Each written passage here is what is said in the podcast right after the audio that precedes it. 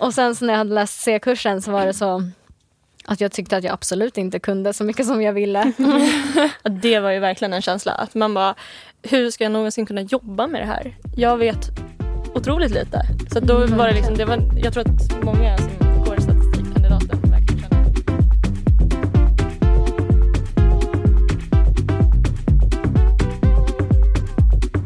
Du lyssnar på Datatjej Podcast. Datatjej är en ideell organisation för icke-binära och kvinnor som gillar data och IT. I första säsongen fokuserar vi på hur man kan bli en datatjej. Vad finns det för utbildningar och vad kan man jobba med? Genom säsongen får du höra hur olika datatjejer halkat in i vår värld. För dig som känner dig nyfiken och undrar hur du kan bli en datatjej helt enkelt. Jag som är host heter Gabriella Norman. Välkommen!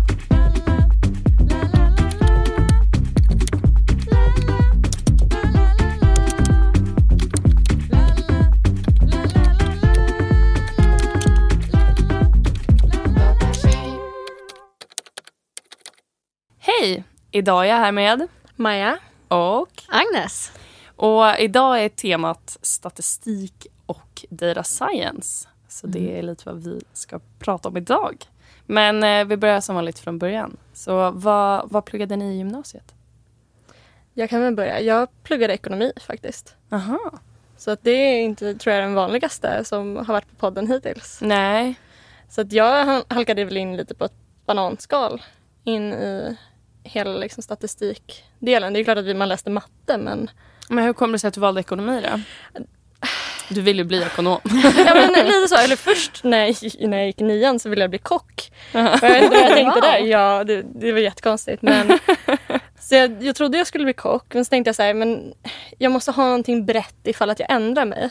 Nu Då kör jag ekonomi så kan jag jobba som ekonom eller liknande. Ah, okej, ja. Eller VD tänkte jag att jag skulle jobba som. Men höga Det är som min lilla syster från att hon var typ så sex år. Så bara, vad ska du bli när du blir stor? Hon Bara, VD. Ja, jag skulle VD, sa jag. Det, var, det blev ett verb.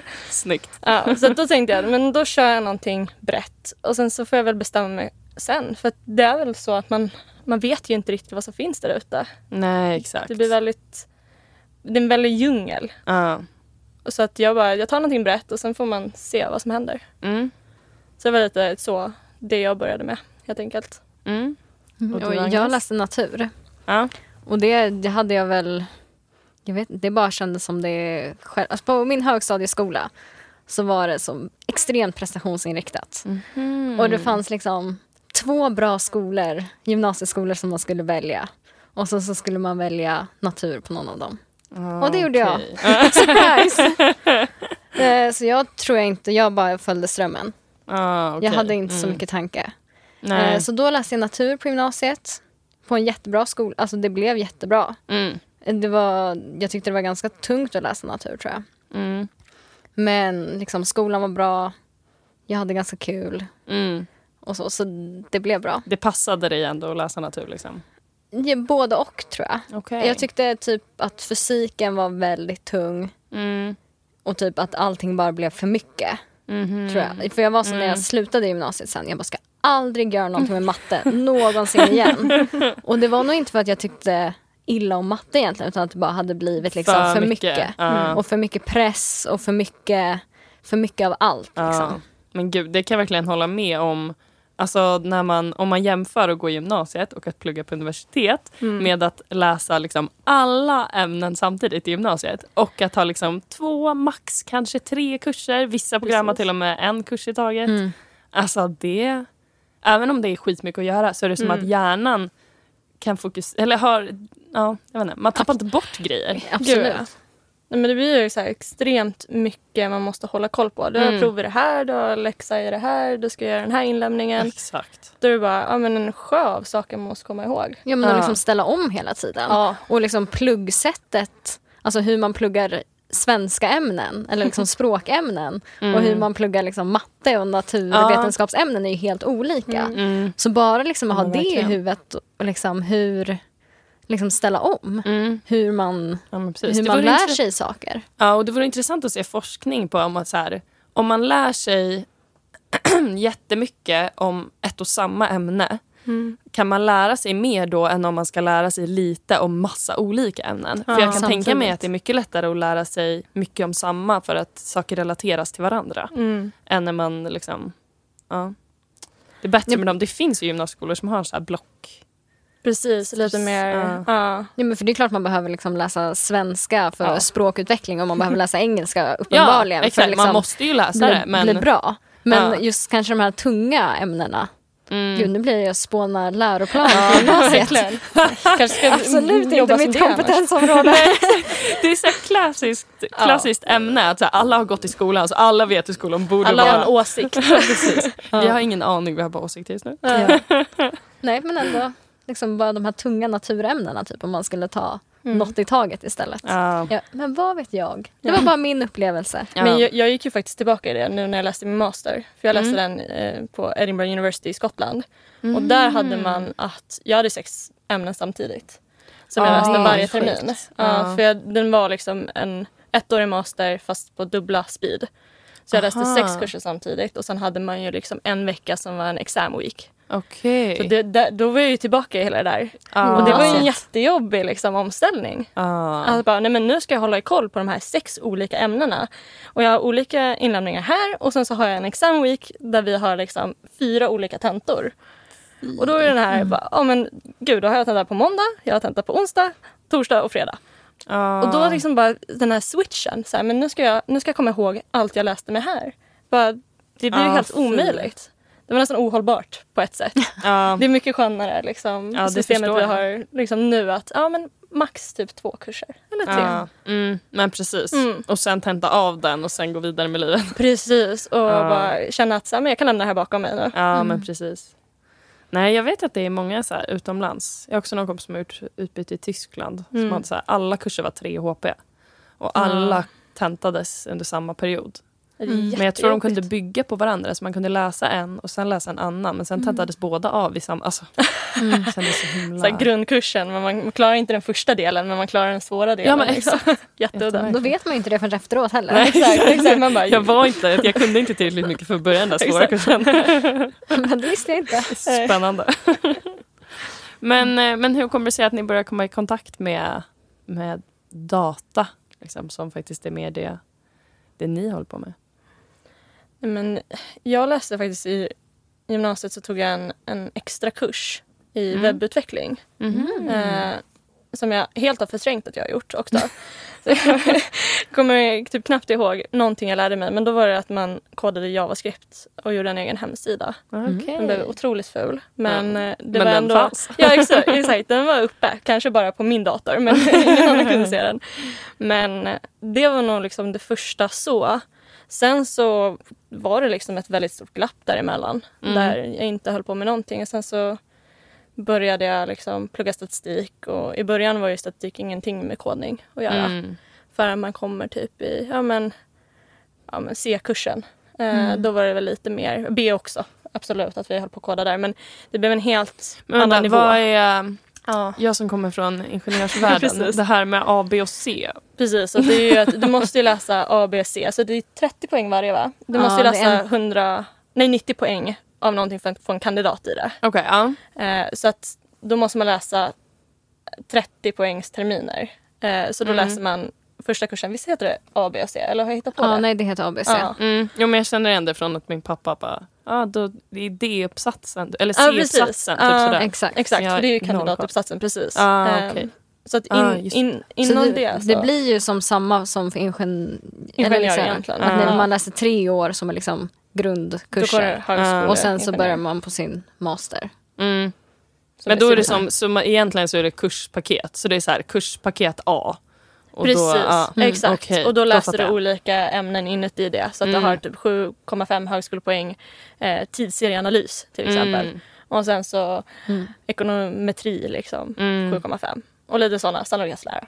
Eh, Mm. Så att det är det man liksom bygger på. Så att du måste ju få liksom, ihop dina poäng för att sen kunna få din kandidat. Mm. Så att det, var väl, det var väl ändå ganska långt in jag läste också väldigt mycket nationalekonomi. Jag, jag tänkte precis säga det. Ja. Jag bara, det var väl ett litet hopp där Exakt. från gymnasiet till statistik. Ja, jag vet. Nej, men jag, läste, jag började på SU egentligen Okej. och läste ett program som hette statistik och nationalekonomi. Okej. Och sen kände jag att jag ville ha lite mer studentliv eh, och min pojkvän pluggade i Uppsala. Så då kände jag att jag byter Mm. och då läste jag en, eh, statistisk, nej, en samhällsgrundkurs där man sen, ett program, så samhällsvetarprogrammet, där man sen läser 30 poäng eh, samhällsvetenskap och sen får du välja resten av programmet, det du vill. Aha. Så då byggde jag ihop så att jag fick en kandidat i nationalekonomi och i statistik. Aha. Så att jag fick välja för att vi, våran, liksom, vårat program var väldigt mycket så att du får välja vilka ämnen du vill läsa. Så att Mm. Vissa gick ju iväg till systemvetare, vissa läste polkand så att de liksom, alla tog lite olika spår. Vissa gick ekonomihållet för att det var liksom så himla öppet att kunna skräddarsy.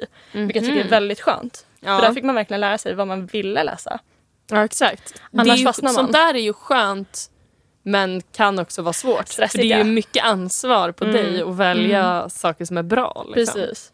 Men oftast har du, liksom, du har ju garanti att du kommer in i och får läsa de kurserna du vill. Ja. Och sen oftast, liksom, många bygger på. De bara, liksom, det rullar vidare, det blir ett ekorrhjul. Liksom, att de Mm. lägger på den här kursen, den här kursen. Även om man har gärna tagit en examen Mm. så finns det även utrymme för det. För att man får en liten sorts förtur för att ha så mycket högskolepoäng. Mm. Så i alla fall upplägget på mitt program och är mycket så i Uppsala också. att Man kan lägga till lite grejer. Mm. Mm. Ja, om man, om man inte läser något liksom, ingenjörsprogram eller någonting. Men för mig var det också typ en lång väg Mm. egentligen. Jag började först, hade jag ett år paus efter gymnasiet och Mm. jobbade på ICA. Skönt. Det var jätteskönt. Och det var liksom, jag fick sug efter att lära mig saker Ja. igen. Liksom.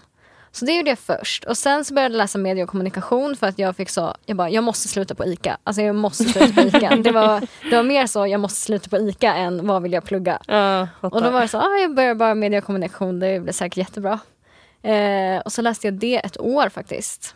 Och sen så kände jag, nej det här var inte min grej, jag måste plugga något annat. mm. Och då visste Var det jag ett program du började på? Eller var Nej, då läste jag kurser? också bara så kurspaket. Okej, Så ja, jag mm. läste media och kommunikation A och media och kommunikation B. Okej. Mm. Så det var två hela terminer.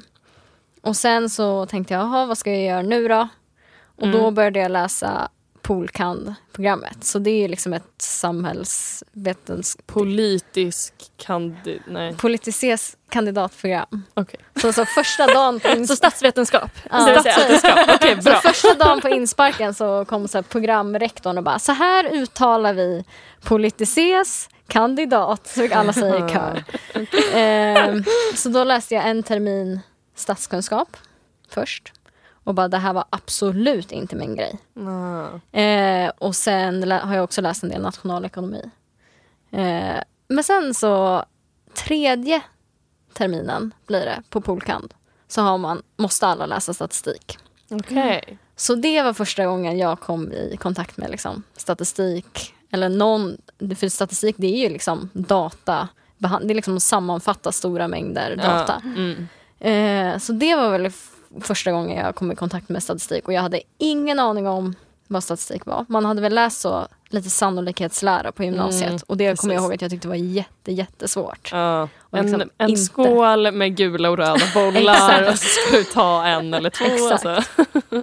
Så det var typ det jag visste om statistik när jag Ja. började på den här grundkursen som alla behöver läsa. Mm. Och sen så märkte jag att jag tyckte att det var jättekul. Mm.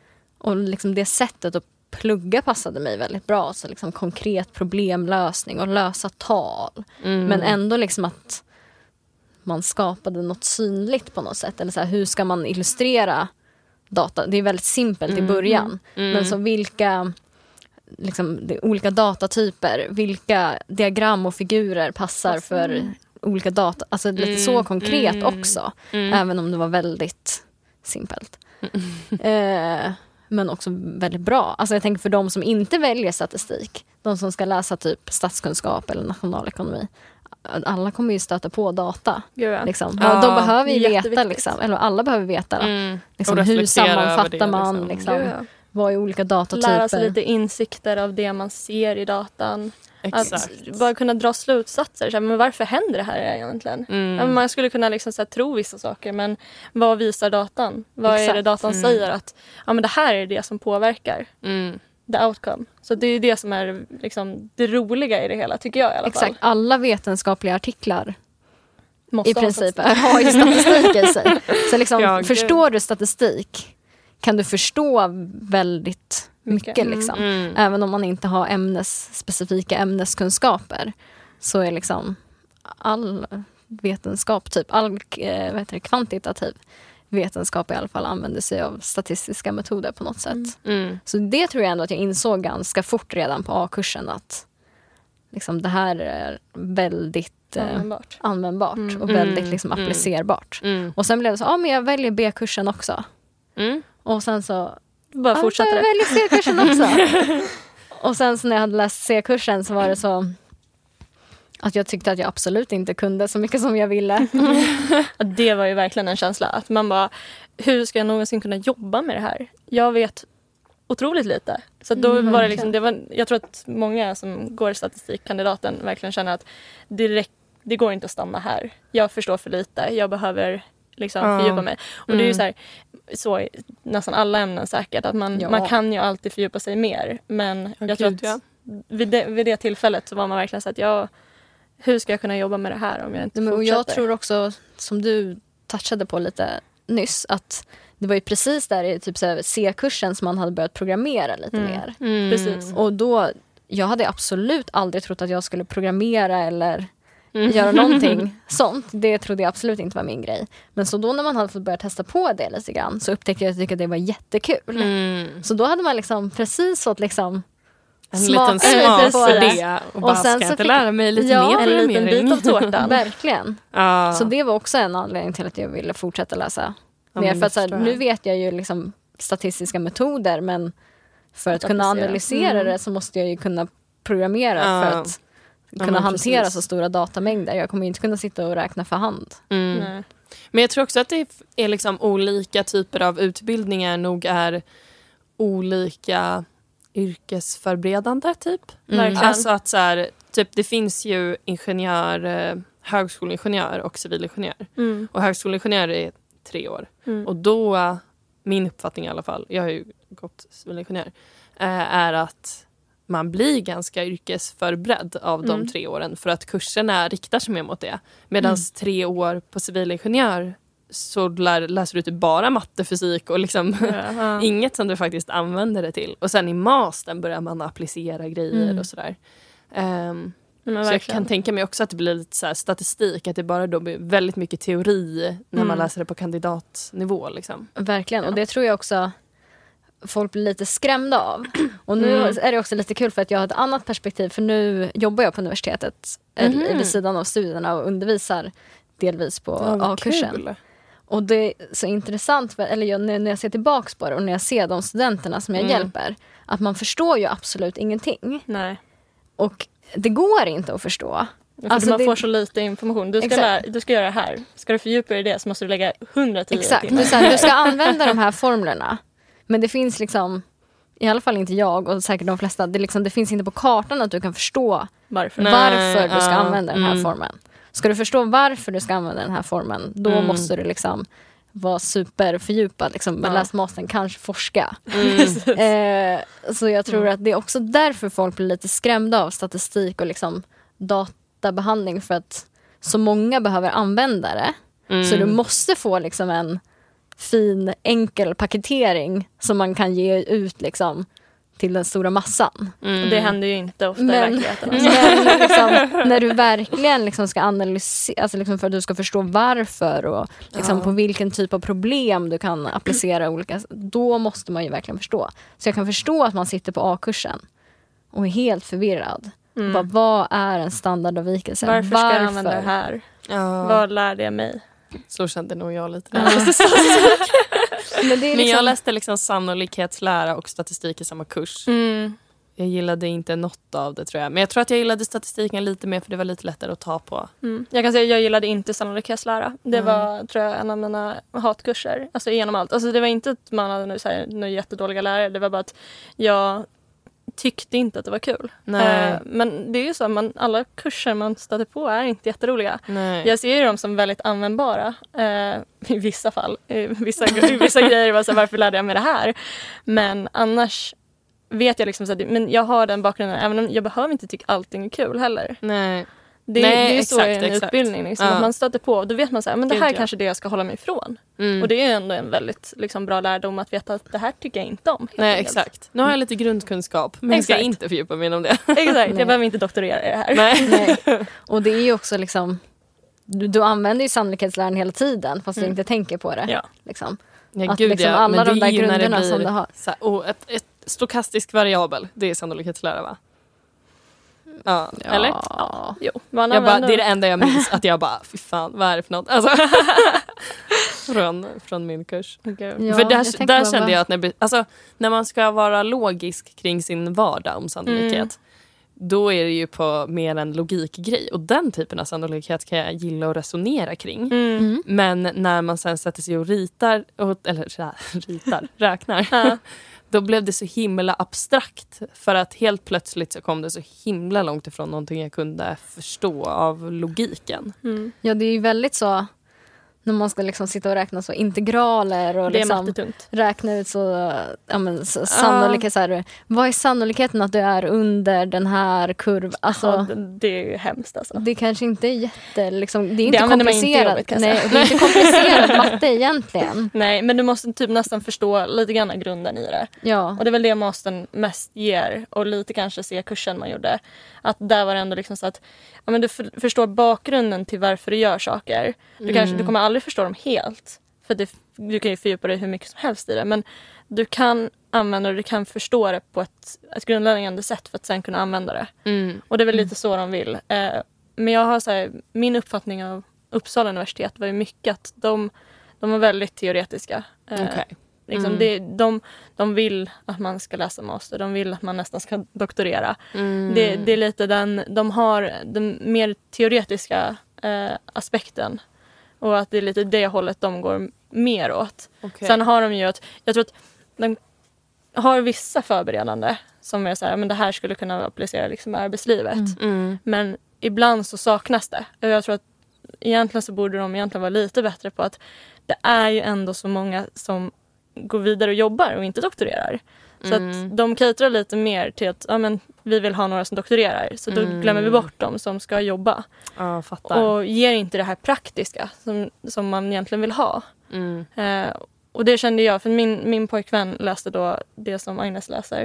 Eh, Mm. Master i statistik i Uppsala. Mm. Och jag läste min på Edinburgh University och där var det ändå, där försökte de ha så mycket praktiskt som möjligt. Mm. Vilket jag tyckte var jättebra för det har Mm. verkligen fått mig att klara av arbetslivet mycket mer. Mm. Och det tyckte jag var väldigt skönt. Att, det är klart så här, man har ju absolut inte lärt sig allt som man behöver för arbetslivet. För Nej, man lär sig så otroligt mycket. Alltså jag har ju bara jobbat nu fyra månader eh, Ja. men jag har lärt mig så otroligt mycket. Ja. Alltså jag lärde mig ett helt nytt språk bara på första två veckorna.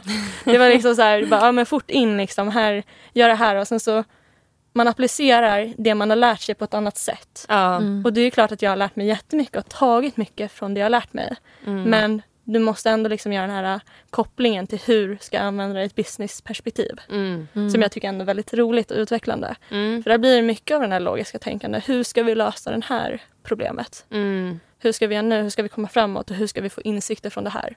Ja men gud ja. Så det är väldigt alltså, skapande skulle jag säga. Och Mm. värdefullt. Mm. För det är ju så här, hur ska vi ta oss vidare? Hur ska vi lära oss av folks beteende? För Mm. att kunna göra våran produkt mycket bättre. Mm.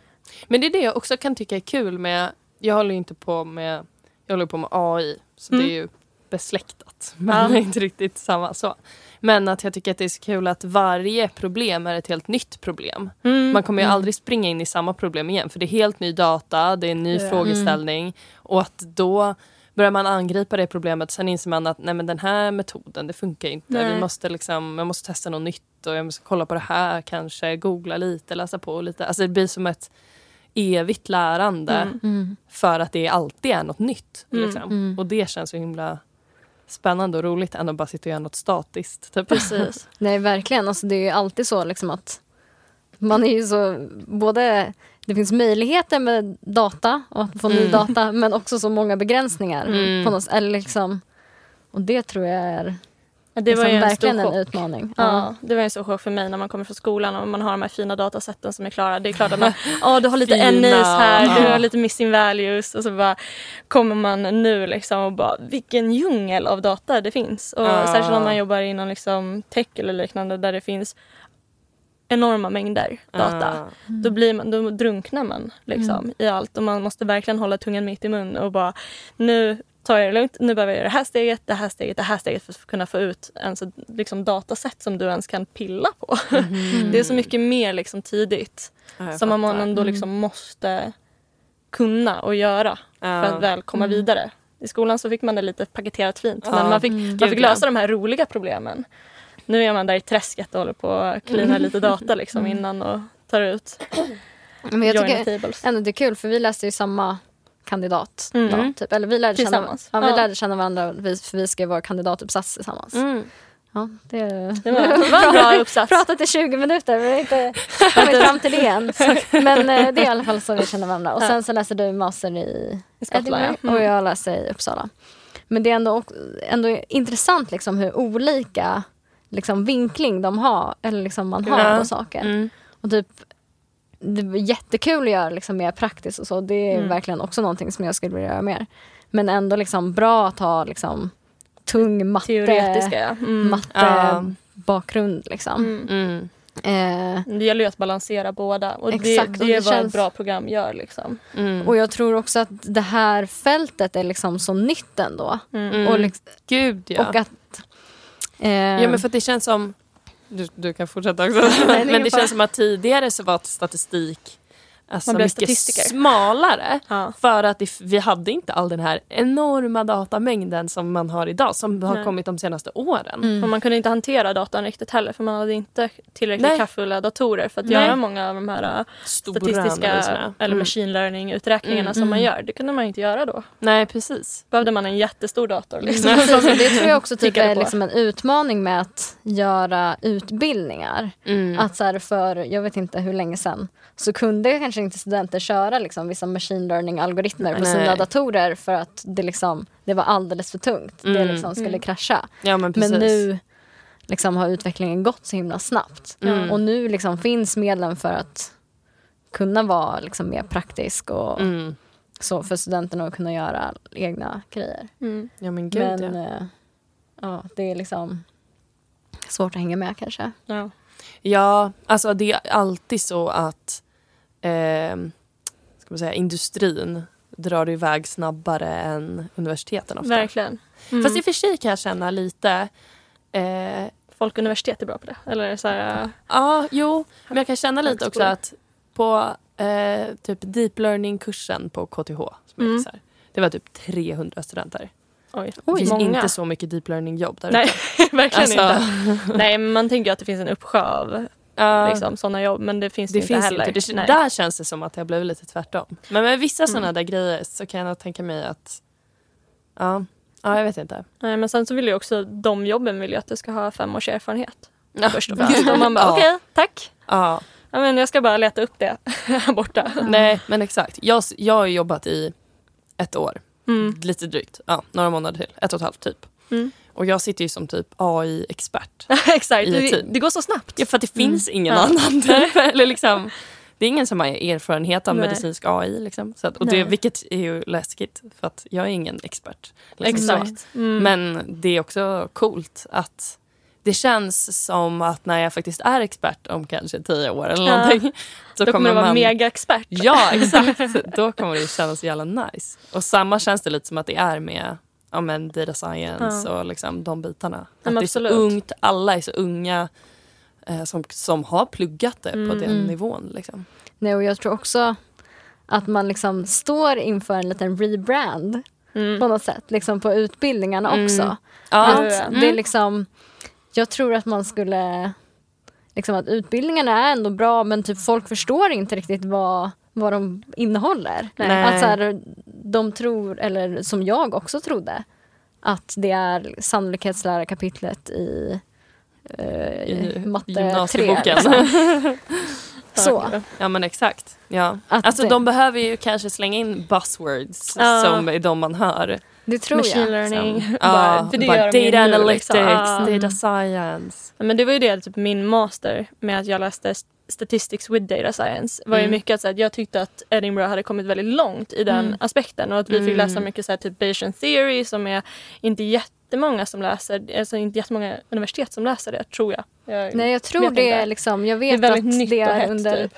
utveckling. Att, Det är det, att Uppsala har Mm. De vill. För de, Ja. de, liksom for, alltså de som forskar och jobbar, de jobbar ju jättemycket med det. Mm. Men de har liksom bara inte haft någon kurs i Nej. Nej. Så jag läste ju liksom två kurser i det och, och jag tror att liksom Skottland var väldigt bra på att de ville verkligen liksom ha nya och liksom verkligen hänga med då industrin Mm. eh, på ett sätt som jag tror att många svenska universitet är lite efter i. Mm. Sen så tror jag att det är många som börjar verkligen förstå vikten i att liksom hänga med och komma i de här, liksom så här settings väldigt tidigt. Mm. Mm. Jag, jag känner också så här, det låter så abstrakt man bara slänger sig med bara och Ja, hit och. Så liksom folk...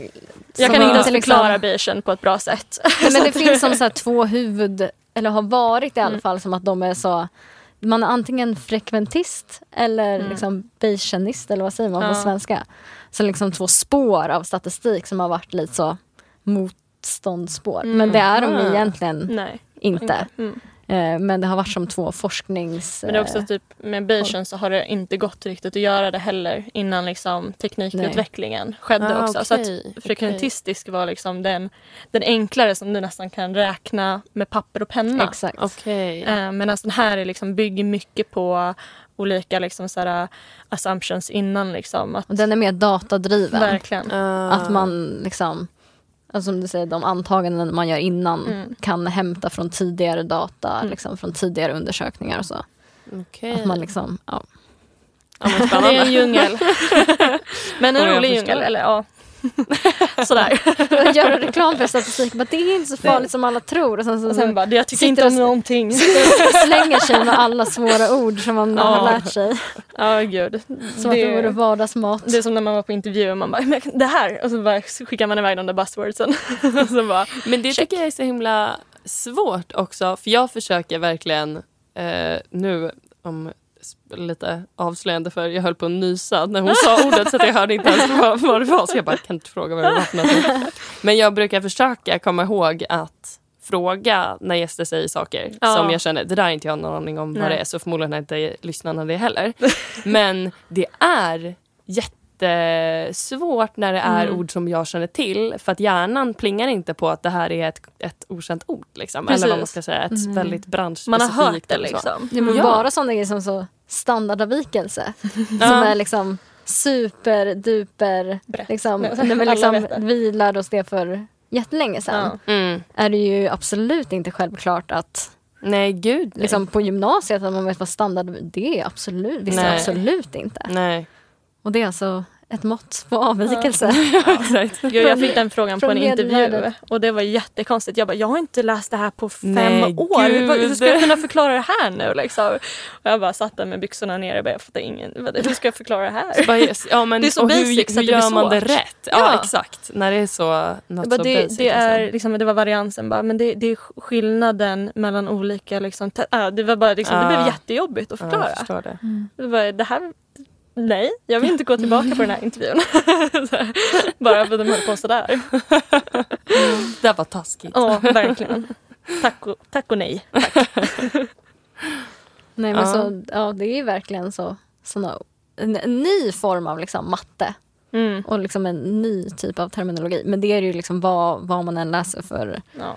Ingenjör Ja, gud, eller ja. liksom, Ja. så är det Ja, man Liksom blir ju andra indoktrinerad i sin lilla värld Ja, av vad som är normalt typ att kunna. 100 procent. mm. Och sen så när man typ börjar kika utanför så inser man oj, det är massa... Gud vad nischad jag är. Ja men exakt, exakt. Och så blir det ju Ja. matt. Alltså, jag menar Ja. jag dansade hela min uppväxt så Mm. jag tyckte att det var jättekonstigt om någon inte visste vad en plié var. Liksom, alltså det var så himla standard för mig Ja, vad det var. Så att ja. Det borde det, alla kunna. det tror jag ändå är bra som att jag jobbar på grundkurserna. Jag, det håller kvar mig på jorden. Ah. De Jag här får- enkla sakerna Ja. som du kan förklara jättebra. Liksom. Medan jag sitter där och bara, jag kan förklara jättebra liksom, stochastic modeling. Men det Med hjälper ingenting. det-? Men det tror jag ändå var så, för jag kände så att det var många poletter som föll ner för mig Mm. liksom, på, när jag själv läste mastern för att jag Ja. gjorde om det. Och bara, Ah. Jaha, det var Det var därför vi vi behövde göra så här. Ja. Jaså? Det är ju faktiskt ganska skönt att kunna just step back och bara, åh, gud vad skönt, nu fattar Ja. jag det där. Som man var helt lost på under grundkursen. Liksom. Ja, Behövs. ja, det behövs. Det här avsnittet sponsras av Stockholms tekniska institut som är en yrkeshögskola med inriktning teknik och IT. Där kan du bland annat plugga till iOS slash Android developer eller till UX designer. Programmen är två år långa med två praktikperioder på arbetsplatser i just din bransch. Vi har bara utbildningar där det finns ett verkligt behov ifrån branschen så chansen att få ett bra jobb efter utbildningen är stor. Mer information om skolan och utbildningarna hittar du på sdi.se.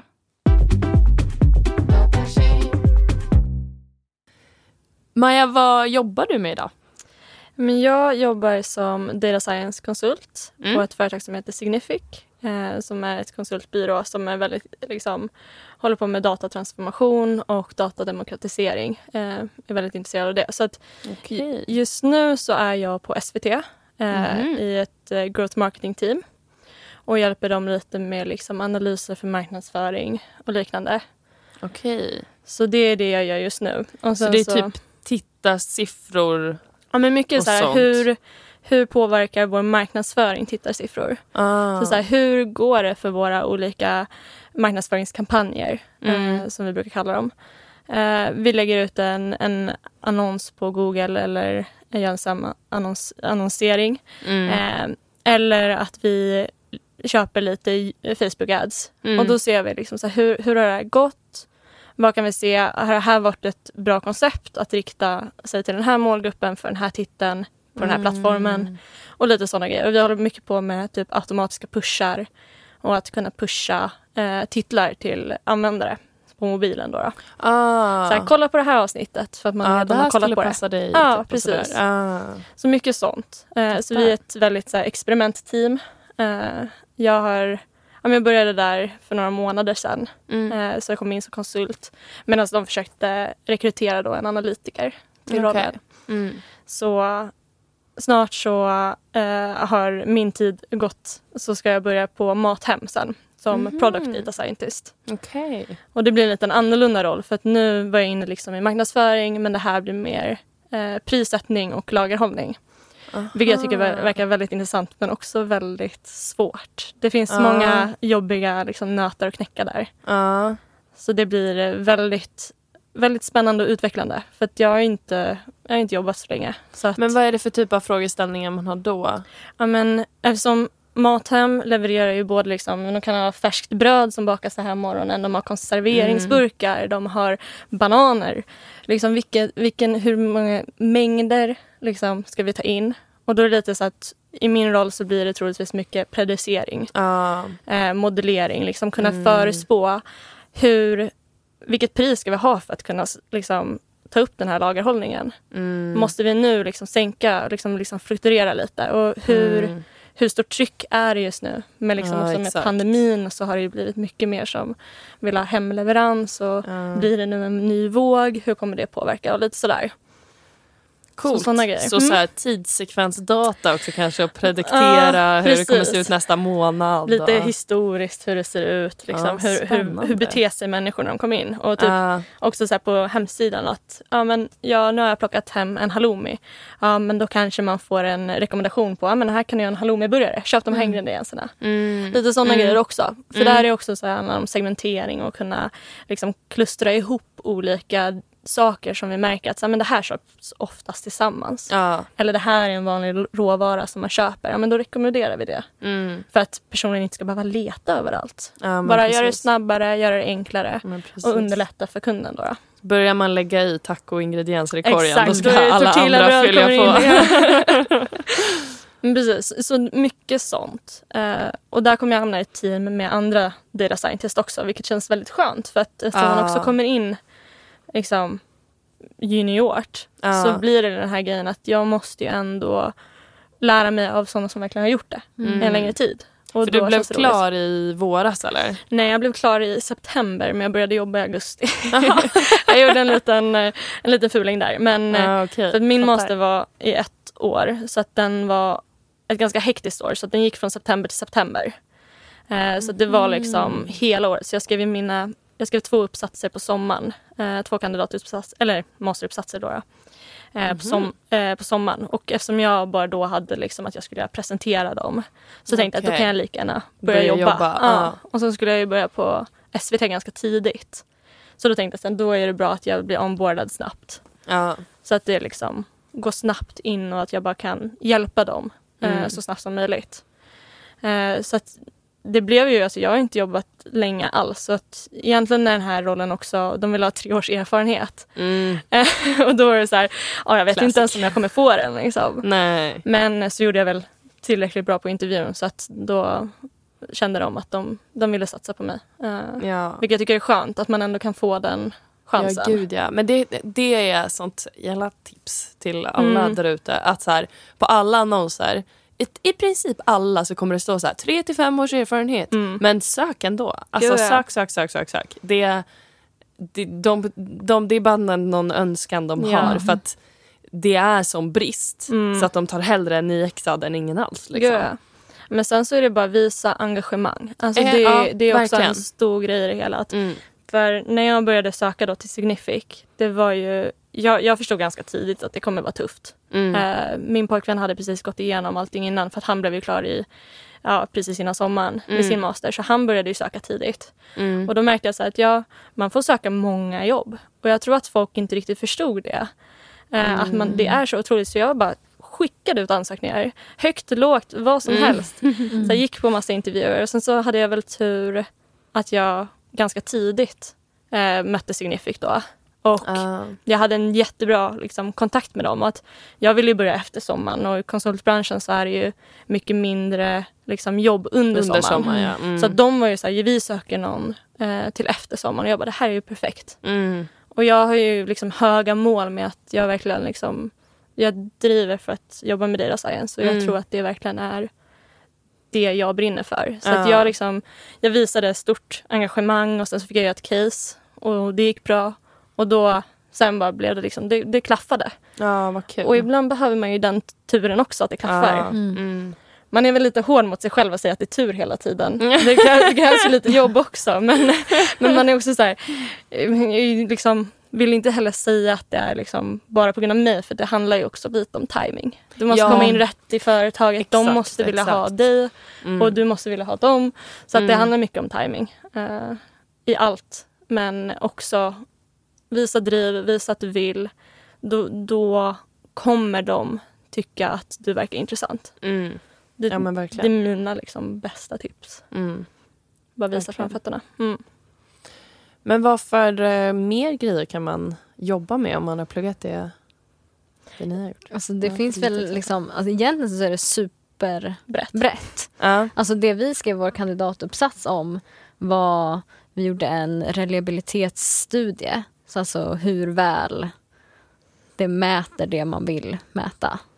Ah, okej. Eh, Ja. För en ny, bara, ny, ny metod för att eh, diagnostisera tidig demens. Mhm. Så de hade så ett test och sen fick eh, person, så det här datat vi hade var att man fick göra testet och sen så mätte de olika saker som man skulle mäta med det här testet och sen så fick samma person göra testet igen. För då om Efter testet, lång tid? Nej. efter två veckor var det va? Ja, för det ska inte gå för lång då blir de tid. för dementa. Nej. jag skojar. Nu, jaha, det var någon slags minnestest? Ja, precis. Ja, Så eller för liksom man mät, tid de mäter motorik och sådär. Ja. Så det, det, Ah, ma- okej, men jag okej, skojade okej. bara. Ja, ja, förlåt. Det var Nej. ett insensitiv, insensitiv joke. Nej, men så det var liksom, så man vill ju att samma person ska ju få samma mätvärden. Mm, Liksom, för om du, gör, om du vill mäta hur bra du är på någonting mm. så ska det liksom vara samma för Ja, dig. det ska inte förändras ska så inte mycket på två veckor. Nej. Nej. Exakt, Mm. och då får man inte heller göra för nära inpå. Nej. För då kan du ju komma ihåg hur testet var, så då Exakt. kan du liksom lista ut. Ja, så att det blir, då är man alldeles för bra på Ja. Exakt. Ja. Men så det jag skulle säga i alla fall var att så det kan man ju använda statistik till Mm. och liksom göra den typen av analyser. Mm. Eh, också så predicera som du var Mm. inne på och det kan ju vara mat, eh, eh, liksom, Lagerhållning. lagerhållning Ja. det kan vara inom vad som helst egentligen. ja, men precis. Ja.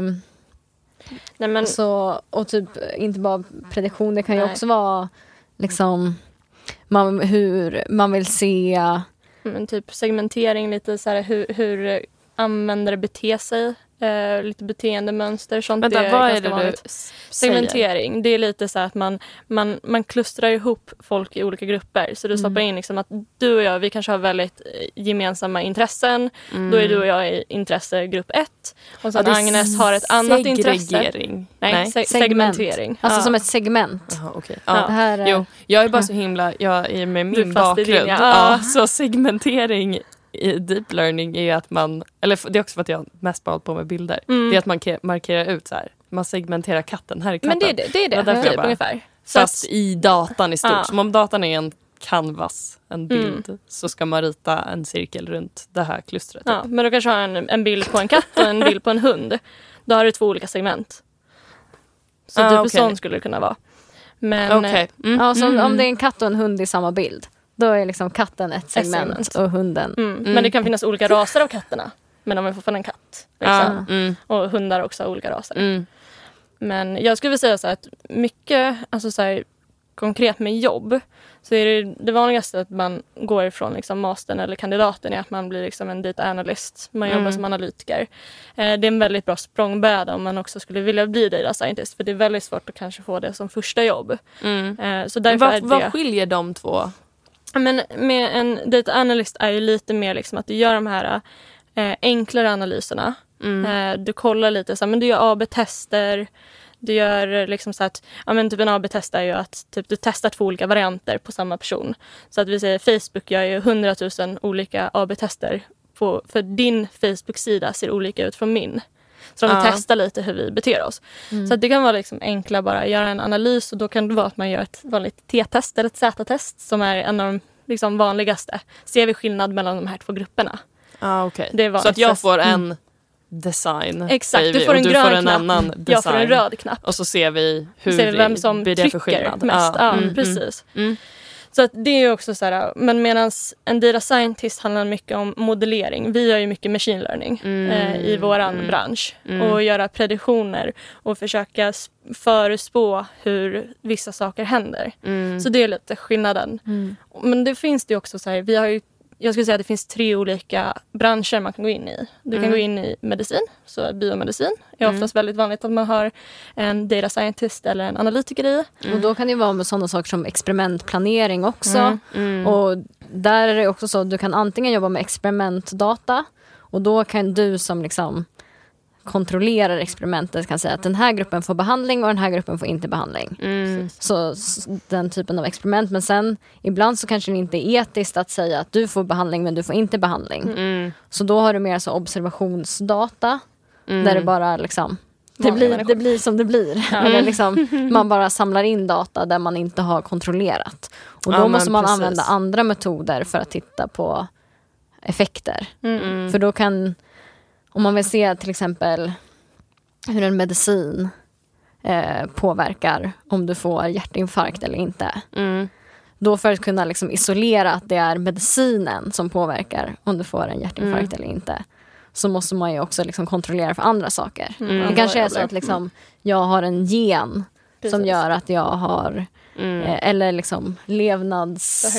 Ja, levnadsfaktorer och sånt Eller där. bor jättenära sjukhuset. Eller, Ja. Exakt. Mm. Du är hypokondriker.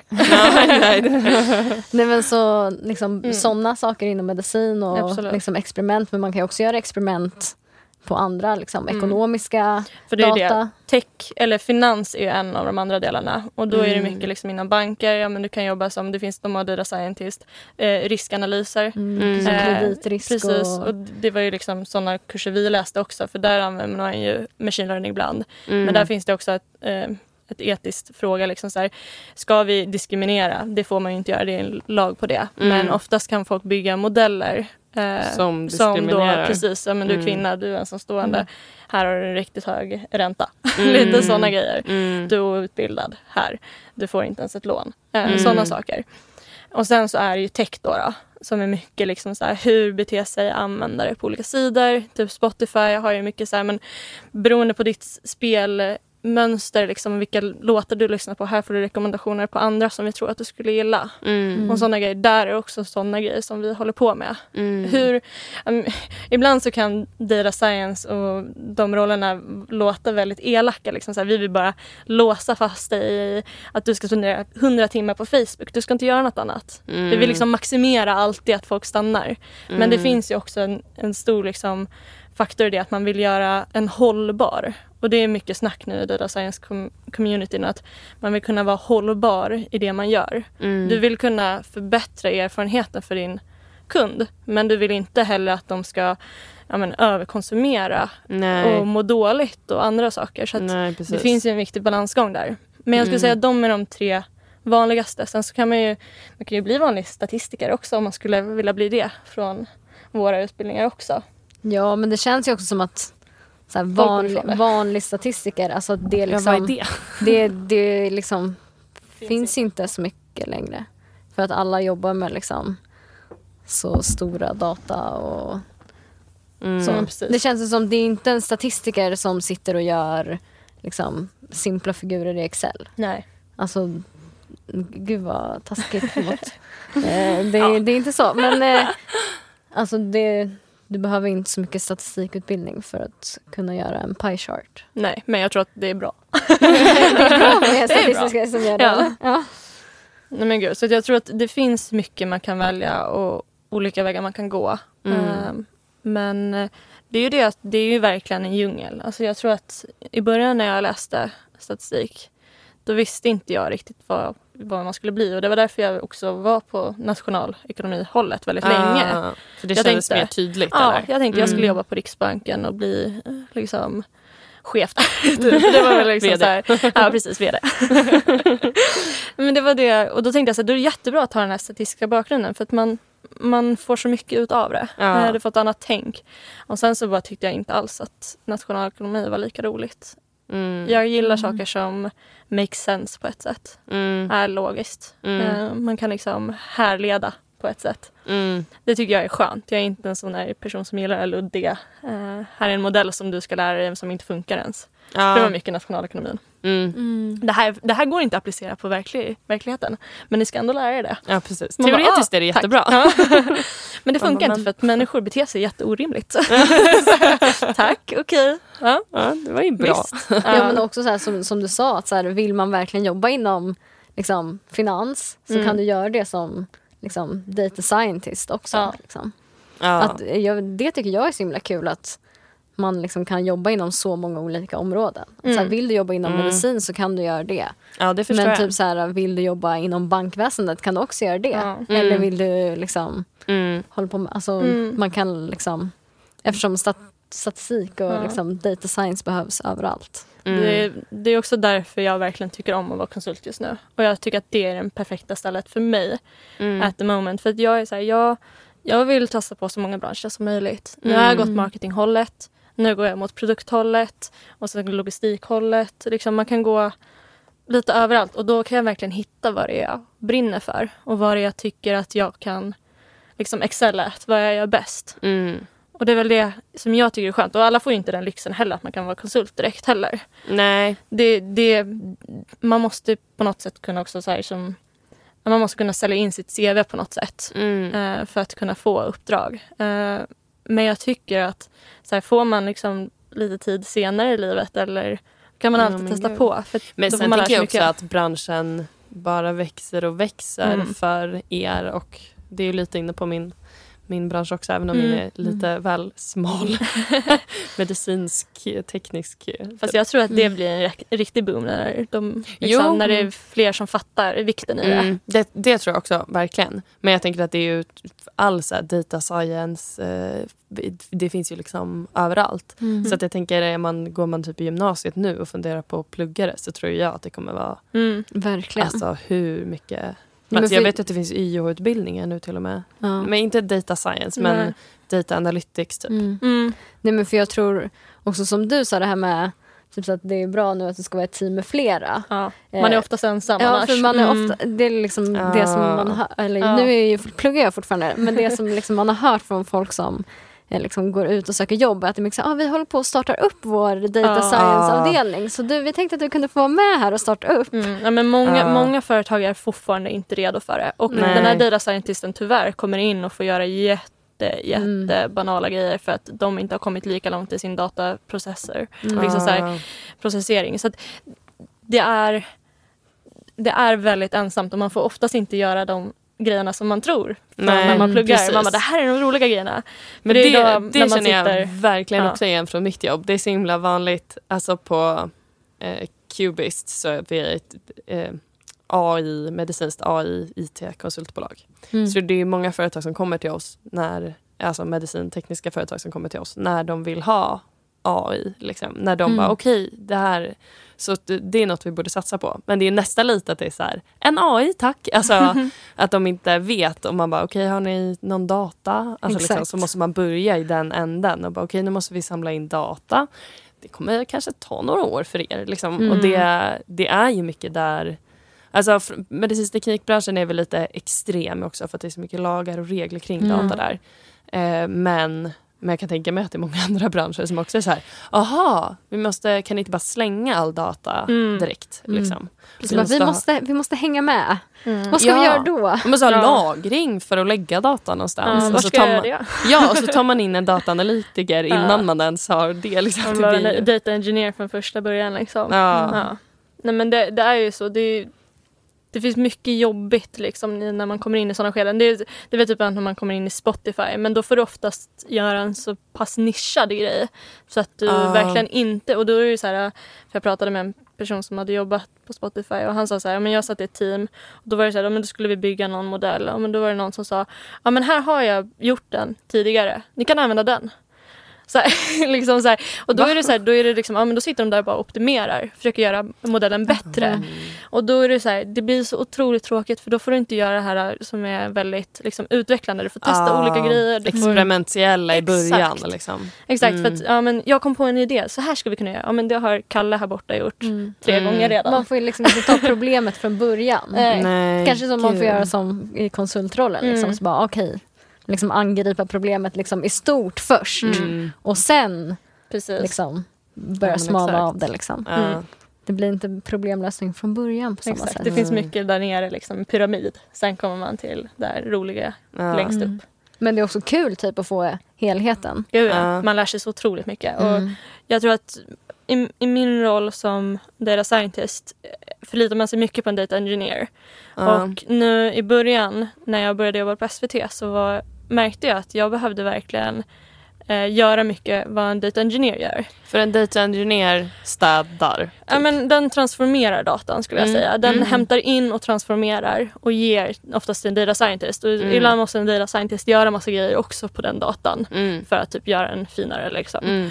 Men så nu på SVT så är jag ju liksom mer i hela pipen som man kallar det för. Mm. Så att analysen är alltid i slutet på pipen. Det är det Mm. sista man gör. Mm. Men sen finns det hela den här datatransformationen som man gör innan från hämtning, från eh, typ joina olika tabeller, Mm. sätta ihop så att man väl får det här datasättet som man kan hålla på med. Mm. Och oftast som data scientist när man kommer till de här stora företagen, då har man ju massa data engineers. Mm. Men då är den här grejen att säga, jag skulle behöva den här tabellen. Ja, men då måste du vänta på att han ska, eller hon ska fixa den. Ja. Så att då, då sitter man där och måste vänta och vänta. Men nu tänker jag att det som har varit så himla skönt i det jag har gjort är att jag kan ändå göra en del Själv. av det själv. Så jag slipper vänta. Mm, Och mm, därför är det så bra att man kan få den här hela stora helheten. Ja, verkligen. Det känns som en bygga på. jättebra erfarenhet när man är ung också. Mm. Att få liksom vara inne och toucha lite på alla delar. Exakt. För då blir det också lättare, kan jag tänka mig, att förstå och ifrågasätta hur data har transformerats och blivit till Mm. innan. Och man bara, mm, det här Eller känns lite fel. Hur blev det så Exakt. här? Liksom? Ja, och sen så när typ en tabell inte funkar för att någon, någon liksom kod man har skrivit failar och så Mm. bara hur, då måste jag vänta på någon annan. Och bara, Nej, men jag, jag kanske kan hitta felet själv Ja. och fixa det. Mm, ja, men exakt. Så det är mycket sånt också. Mm. Som jag tycker är en otroligt rolig grej att man har lärt sig. Ja, kul. Agnes, har du några tips om man känner sig lite sugen på det vi har, har pratat om nu då? Ehm, men jag tror att våga liksom testa på.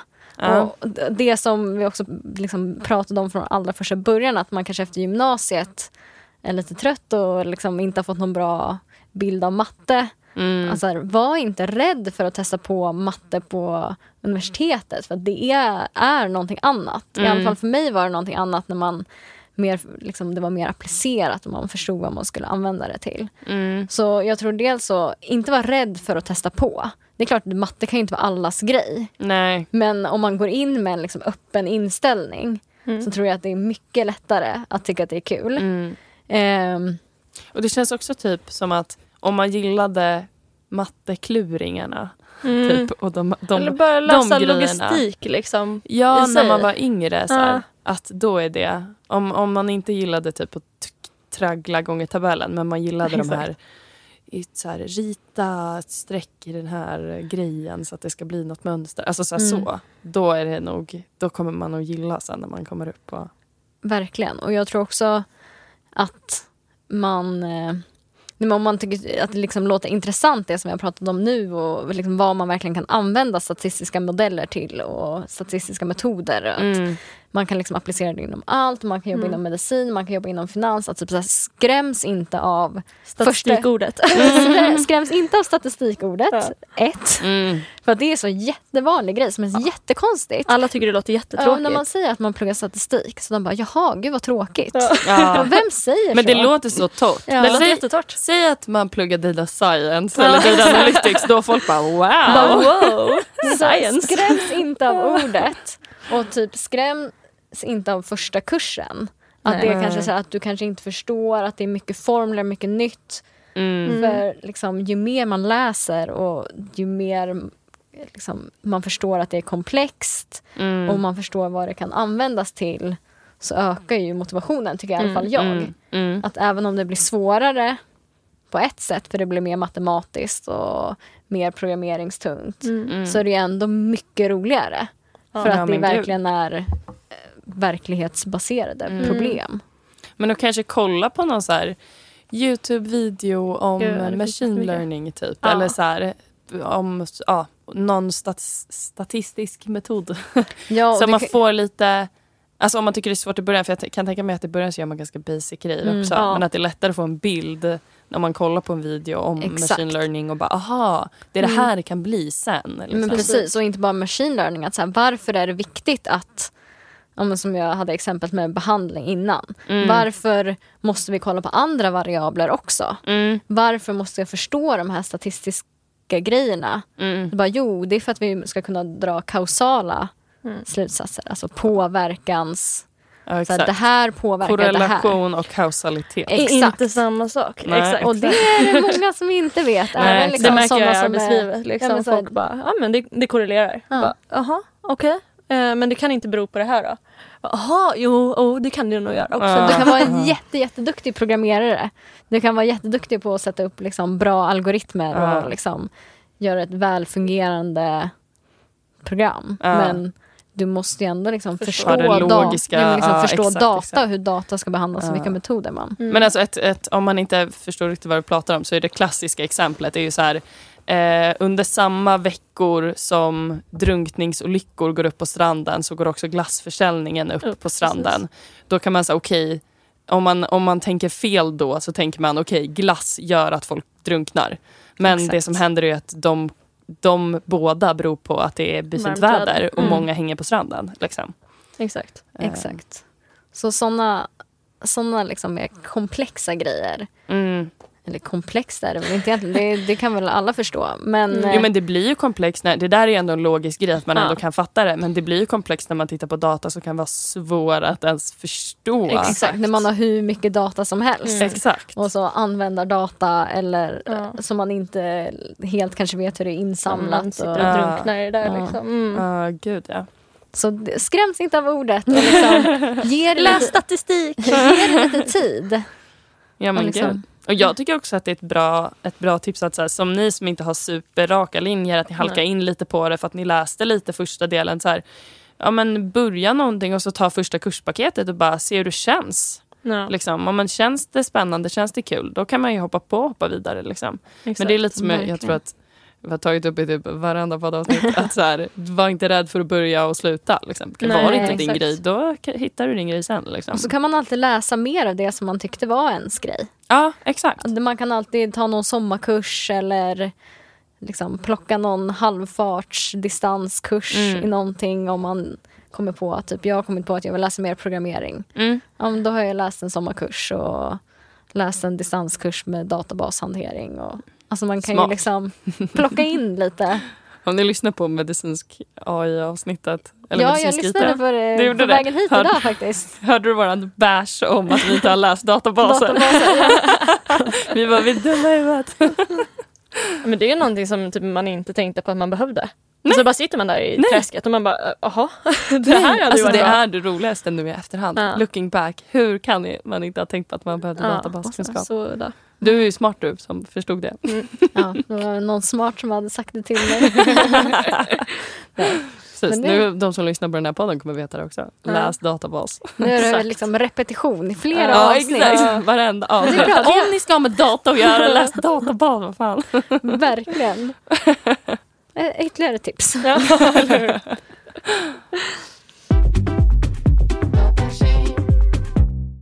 Tack för idag hörni. Tack själv. Tack, kul att vara här. Och så vill jag tacka Tom Goren för introt. Sonica Studio för att vi får spela in här. Eh, och så tycker jag att alla som lyssnar ska bli medlemmar på datatjej.se. Och så borde ni följa oss på Instagram, Facebook och LinkedIn där vi heter Datatjej. Och har ni några frågor, förslag eller tankar om podden så kan ni mejla mig på medlem.datatjej.se.